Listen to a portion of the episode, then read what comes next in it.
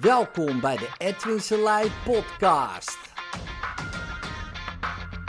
Voor inspiratie, stimulatie en motivatie om je dag goed door te komen.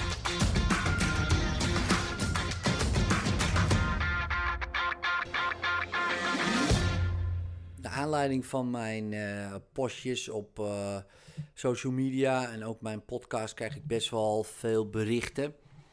Eh, her en der verspreid.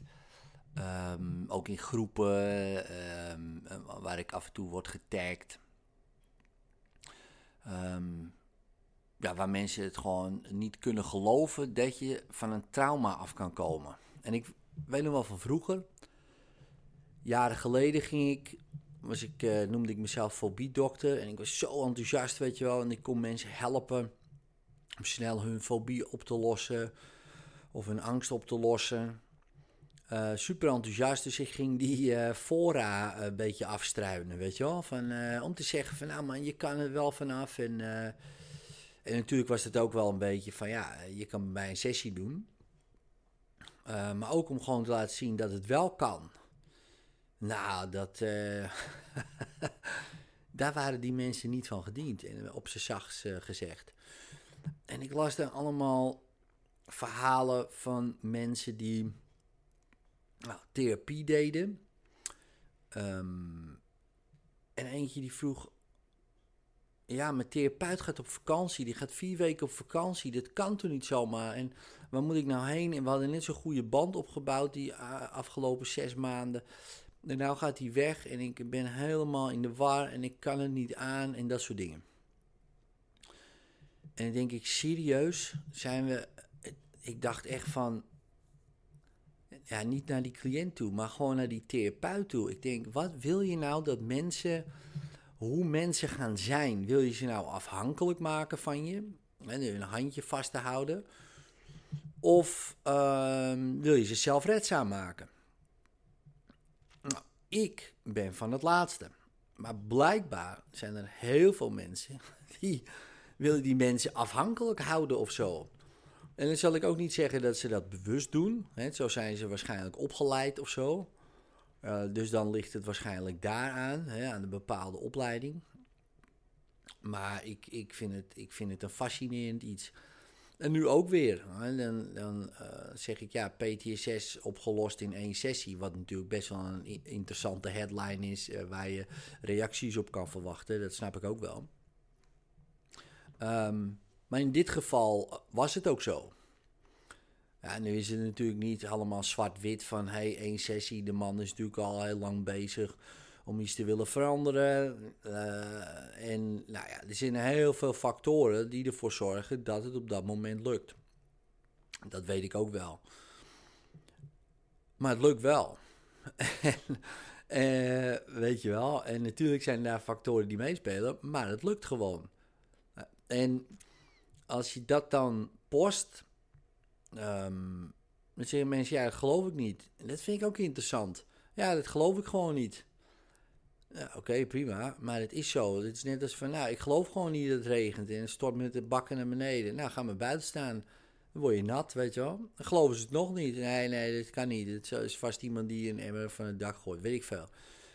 Dus ook al en daar kwam ik al veel eerder achter. Daarom hoef ik ook helemaal niet in die groepen. Ik reageer er ook niet meer op. Die tijd heb ik al gehad.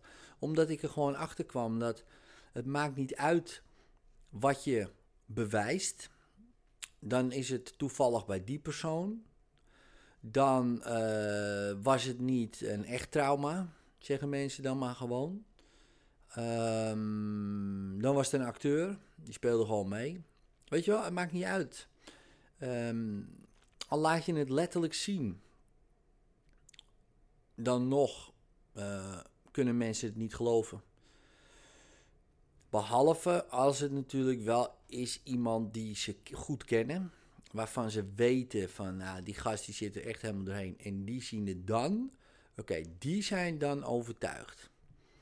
Ja, die zijn dan wel overtuigd. Maar de rest, nee, dat is lastig. Dan, en, en wat ik zo interessant vind, is, uh, maar dat zie je ook vaker, weet je wel. Ook al is er bewijs, hè, wetenschappelijk bewijs. Dan zeggen ze, ja, nou, ik ben het er toch niet mee eens.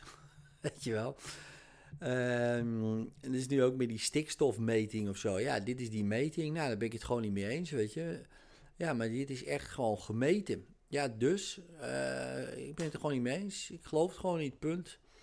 Ja, oké, maar eh, we hebben het gemeten. Ja, maakt me niet uit.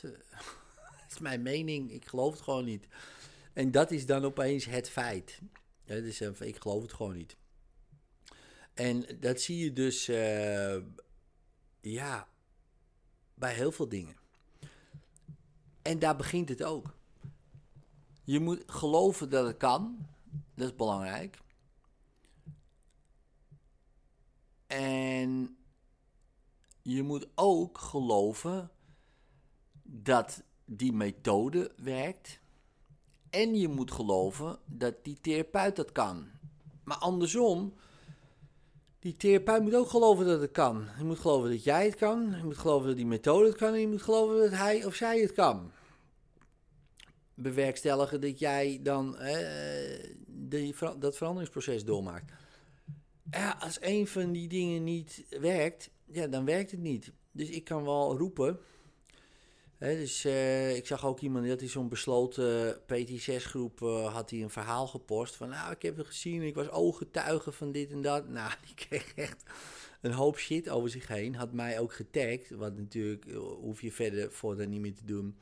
dan ga ik toch kijken en denk ik, oh, daar zijn we weer, weet je wel.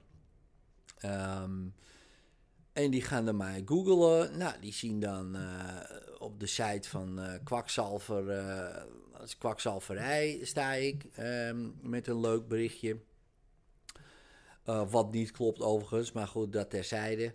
Dus uh, therapeut Joodse behandelingen op YouTube. Nou, dat is helemaal niet waar. Maar goed, nou, daar is dan een heel artikel. Mag een therapeut ehm, een hulpvraag van een patiënt posten. En denk ik, de kranten staan er vol mee van therapeuten die dat doen, weet je wel.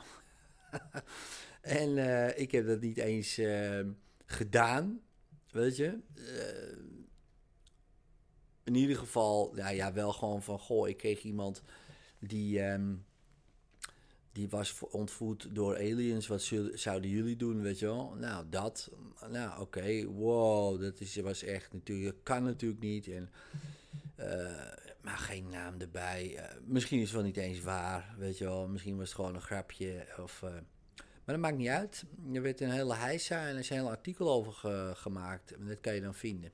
Dus dat wordt er dan ondergezet. En dan zie je mensen dan... Ja, zie je wel, een kwakzalver. Neem natuurlijk niet de moeite om dat te gaan lezen en om het te gaan... Nee, want ze geloven al niet dat het kan. En ieder bewijs wat maar een beetje neigt naar dat geloof, is een feit. En zo werkt het vaak. Dus ja, dan uh, hoef je. ja, het is. Het is net een Jehovah die aan de deur komt. Ja, dan kan je zeggen, ja, God bestaat niet. Ja, ja, succes met je, met je, met je preek. Want die man of vrouw, die gaat dat toen niet geloven.